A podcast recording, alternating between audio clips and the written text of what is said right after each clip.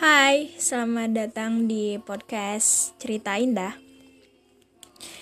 Kali ini saya mau cerita tentang private life. Akhir-akhir ini saya makin jatuh cinta dengan hidup saya pribadi. Private life, dunia yang berisi hanya saya sendiri. Dengan saya, orang-orang di lingkaran terdalam saya dan itu saja. Orang-orang yang memang hanya mereka yang saya ingin tahu keberadaan saya dan perasaan saya.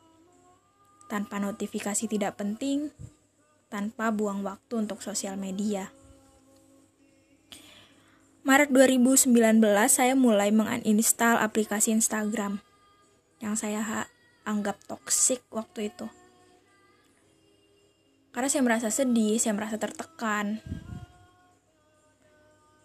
Kemudian saya hidup tersembunyi di sini hanya dengan mereka dan saya bahagia. Saya lebih mengedepankan untuk pertemuan, saya lebih sering menelpon ibu saya, berbicara, mengobrol apa pun itu dengan menatap wajah mereka tanpa distraksi. Tanpa melihat handphone, saya hanya mendengarkan apa yang mereka katakan, yang mereka ceritakan. Saya bercerita tanpa dipotong oleh notifikasi dari handphone saya. Saya bangun tidur tanpa scroll dan tanpa notifikasi nggak penting dari hidup orang-orang yang bukan urusan saya. Uh, karena dengan begitu saya rasa saya mulai memaknai hidup yang saya punya. Liburan tanpa merekam, tanpa memfoto. Karena untuk apa sih? Untuk apa? Menjadi standar, berharap menjadi standar akan kebahagiaan. Orang-orang mengakui bahwa hidup saya bahagia begitu? Atau jika seandainya saya memiliki pasangan, orang-orang akan menganggap kami adalah couples goals gitu? Tahu nggak sih? Ketika kamu memposting kehidupan kamu yang bahagia, mungkin postingan kamu dilihat oleh orang yang tidak bahagia ketika kamu memposting pernikahan mungkin ada orang yang menginginkan untuk segera menikah tapi belum juga menikah. Mereka akan sedih akan itu. Kamu memposting kehamilan, ada orang yang sudah lama menikah tapi belum hamil dan melihat postinganmu. Bagaimana? Atau kamu memposting kamu sedang makan makanan enak. Postinganmu ditonton oleh anak kosan di akhir bulan. kamu memposting keluargamu yang bahagia dengan ayah dan ibu yang lengkap ditonton oleh orang yang tidak begitu. Kamu memposting liburan dengan kehidupan mewah dan yang menonton sedang kesulitan ekonomi mungkin atau kamu memposting kamu bekerja di sebuah perusahaan besar di sebuah gedung yang mewah dan postinganmu ditonton oleh seorang yang mencari pekerjaan bertahun-tahun. Postingan kamu akan menjadi sumber kesedihan untuk orang, akan menjadi penyebab seseorang untuk tidak bersyukur akan hidupnya. Mungkin jika dilihat dari sisi yang berbeda, postinganmu akan menjadi motivasi. Tapi buruknya juga, postinganmu akan menjatuhkan mereka. Membangkitkan rasa iri. Saya hanya ingin berada di tengah-tengahnya saja. Tidak membangkitkan rasa iri, tidak memotiva tidak memotivasi hidup dengan nyata, dengan kenyataan dan orang-orang di sekitar saya. Orang-orang yang menerima saya dan mengerti apa perasaan saya menerima segala keburukan, keanehan, dan segalanya tentang saya, dan saya pun sama menerima mereka dengan semua cerita yang mereka beri.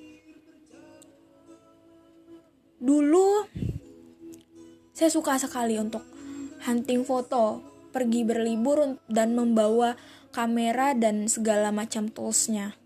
Merekam ombak, merekam sunset, atau memfoto teman, atau bagaimana itu. Kemudian saya sadari, saya tidak menikmati itu semua. Kamera saya berat, toolsnya berat, atau saya merekam matahari terbenam. Dengan harapan saya bisa mengabadikannya memutarnya kembali di rumah. Tapi ternyata saya justru kehilangan matahari terbenam yang nyata. Saya terlalu fokus pada layar kamera saya, melihat matahari terbenam yang sebenarnya nyata di depan mata saya. Justru saya menatapnya dari sebuah layar. Saya tidak mau lagi. Saya ingin menatapnya dengan nyata bukan dengan lensa.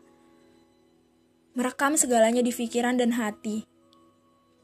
Memutarnya kembali jika saya mau sesuka hati, menontonnya sendiri yang hanya saya tak hanya saya yang tahu isi kepala dan hati saya saat itu saya sedang menonton apa.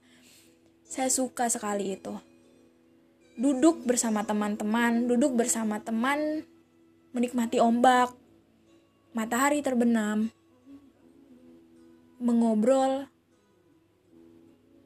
berbicara apa pun itu tentang makna dari sebuah perjalanan, makna yang ditatap oleh mata masing-masing, atau sekedar bengong. Sangat tak ternilai. Ayolah, berdoa sebelum makan agar lebih berkah bukan memfotonya atau menikmati hidangan itu dalam diam. Karena orang-orang yang menyukai postinganmu di di postinganmu di postingan tersebut susah ngomongnya di postingan tersebut ada ratusan yang bukan berarti mereka peduli, mungkin mereka hanya tidak sengaja melike foto tersebut atau apa. Karena yang peduli sama kamu itu nyata. Ada di sekitarmu.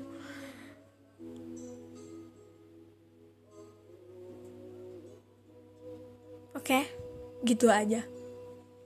Terima kasih sudah mendengarkan. Cuman segini aja. Bye.